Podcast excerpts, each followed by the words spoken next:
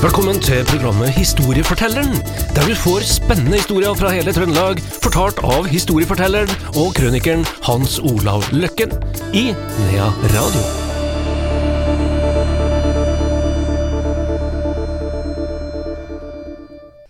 Her er historiefortelleren tilbake. Vår historieforteller heter som vanlig, også i dag altså, Hans Olav Løkken. Velkommen, Hans Olav. Jo, takk. Vi skal til, vi må nesten si det, nordlige deler av Trøndelag Ja.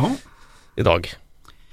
Vi skal bevege oss litt nord av Steinkjer, til eh, et lite fjellparti som eh, ligger ved Snåsavatnet. da. Eh, Nordfjellet kaller de den lille fjellmassepartiet der oppe. da. Og Vi går tilbake til 1911. Eh, og Det tar med denne historien her kun fordi at det har skjedd av og til gjennom historien. Heldigvis så skjer det veldig sjelden at folk blir totalt borte, men det har skjedd, og det vil skje igjen. Og det man tror skjedde den gangen her, er da en liten sånn warning, eller en liten sånn advarsel om ting som er Kall det ikke farlig, men du må være litt varsom ute i naturen da. Og da går vi tilbake til 1911, og eh, skal møte ei litt eldre kjerring, da, som heter Josefine. Hun er da langt opp i årene og var av kjerringa til en som het Benjamin Ulven, og som det var på den tida, så var jo kvinnfolkene på setrene, da, vanligvis. Så hun var setertaus på Ulvensetra i lag med søstera Malena, og de her to søstrene, de, eh, de visste ikke om noe annet her i livet. De var gård, og så var de på setra hver sommer, og hele livet, de var knapt utafor bygda. Men de likte seg godt i fjellet, og de var der helt til snøen kom. Og eh, de hadde jo geit, da, geiter, som de drev med, og de laga geitost. Og eh, hun Josefine hun har jo fortalt at den beste reklama for eh, den osten som de da solgte, ja, det var når geiteragget sto ut eh, av osten som busta på en uskåla gris, da. Liksom da skjønte folk at åhå, her var det ost fra ulven. Ja, kvalitetsost. Kvalitetsost, og da står det han gikk som varmt hvetebrød, da, for å bruke det. Jeg har ikke villet kjøpe den, kanskje, da, men det får nå være så sin sak. Men eh, så var det da den sommeren da i 1911 at hun eh, skulle gå til nabosetra, Skeisetra. Eh, det seg at hun skulle låne kaffe, da. Hun gikk, men kom aldri hjem igjen. Hun ble altså borte. Det viser seg da at hun har vært på Skeisetra, og skulle bare gå hjem igjen. Men hun dukka aldri opp.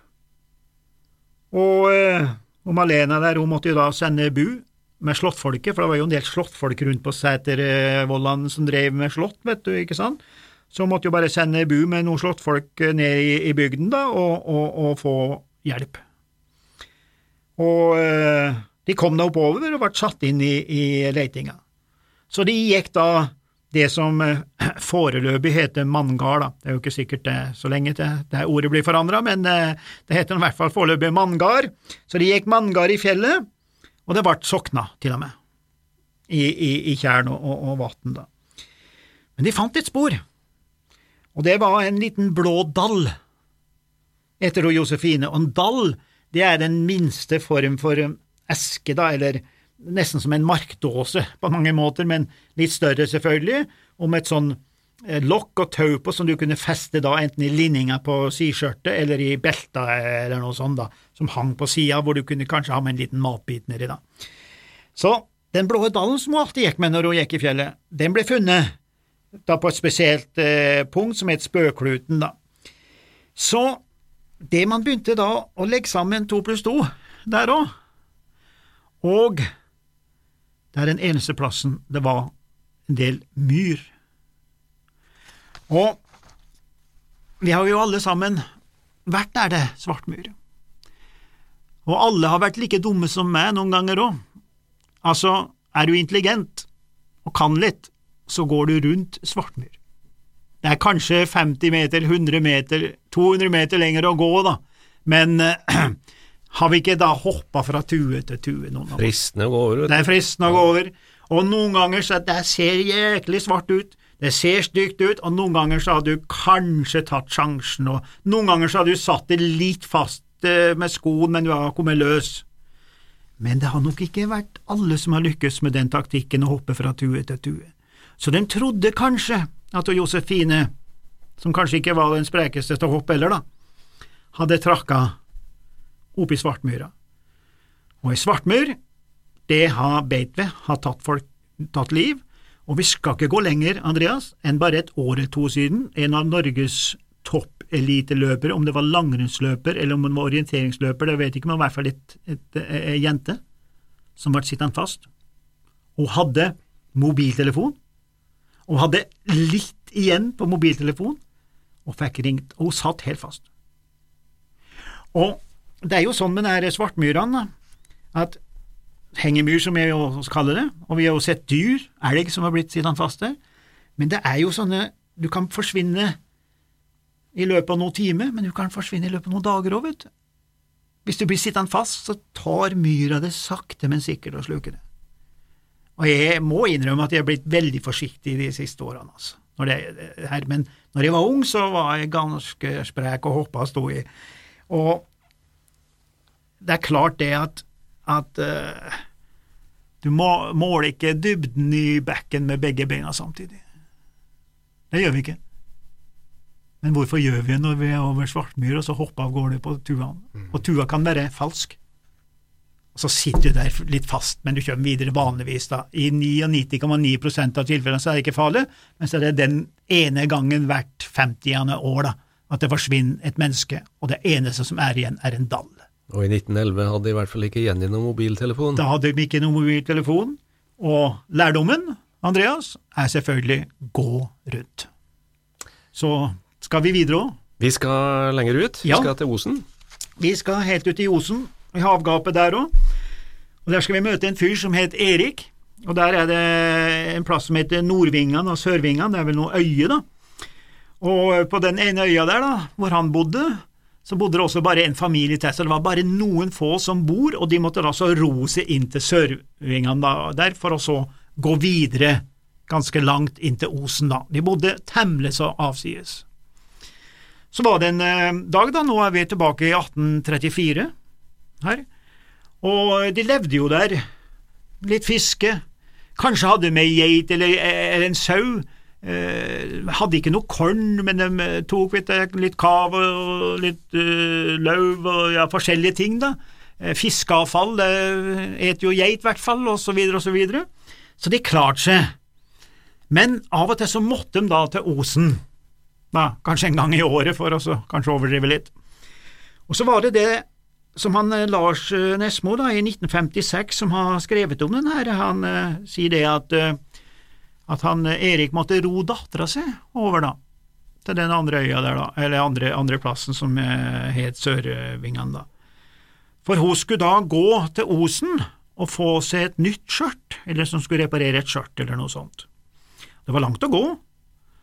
Det er en bratt bakke opp, og hun gikk nå dit, og kom nå dit uh, til sånn uh, middagstider, og fikk seg det der skjørtet, da, fikk gjort ærene, og skulle gå hjem igjen, da og møte far sin da, som skulle komme og roe han om kvelden. Da var sikkert ikke langt over mellom de plassene, jeg kjenner ikke geografien der ute, men uh, faren skulle i hvert fall komme og hente om kvelden, da. Så hun her jenta, hun gikk nå bortover, de kalte Vingsmyrene, da. Har ikke noe med det oppi skogene mellom Stjørdal og, og, og, og Selbu å gjøre, men eh, det begynte å blåse. Det var snø fra før av. Det ble mer snø, det ble sterkere vind, og hun tok seg virkelig sammen, for hun ville jo ikke at faren skulle vente. Hun kom ned bakken og ned til, til kysten der, da, og der var det selvfølgelig ikke noe far. Det var ingen som kunne utpå, for nå var det blitt storm. Det skjønte jo, og hadde bare ett valg, hun måtte si å komme seg tilbake til Osen, og håpa da at hun skulle klare, enda var ganske langt å gå, hadde klart å gjøre det før de gikk til sengs om kvelden. Men hun begynte å bli sliten, så hun streva seg opp den bakken som er nede fra sjøkanten fra stranda, og oppe på toppen der så er det en stein Og den steinen er skapt på en sånn måte at den kan gi litt ly for vær og vind, kanskje litt sånn utafor heng, da, sånn halvhule eller noe sånt. Typisk sånn plass hvor du kan sette deg ned og hvile litt hvis det er litt eh, dårlig vær. Og hun gjorde det, satte seg der. Og så går hun da i den fella som så altfor mange alltid gjort. De blir sittende, du må aldri sette ned, men hun satte seg, og det var godt å sitte. Og du verden hvor godt det var å sitte. Og jeg skal gå ut i stormen, og det er langt igjen, jeg må samle kreftene, men det er så godt å sitte. Og der satt hun. Og om morgenen dagen etterpå så kom jo faren roende over, da. Da var det løya vind, og han har kommet seg over, over det sundet. Han skulle gå da til Osen for å hente dattera som han regna med da hadde overnatta der, da. Og han kommer over den bakken. Han har gått der hundrevis av ganger. Han har sett den der lille store steinen som på en måte var et slags siktemerke, ikke sant. Den var der. Og så ser han plutselig, ja, men det er noe mørkt bak den steinen der. Det er noe mørkt der, det har jo ikke vært før. Husk på at nå er det snø, og så er det noe mørkt nå. Så går han bortåt, og der stikker det opp ei hånd. Og han visste at hun kom aldri til å våkne da han tok henne i hånda. Og stein den dag i dag heter Liksteinen.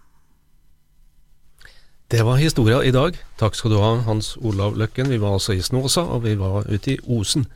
Og ei ny historie får du neste uke til samme tid her i Nea Radio.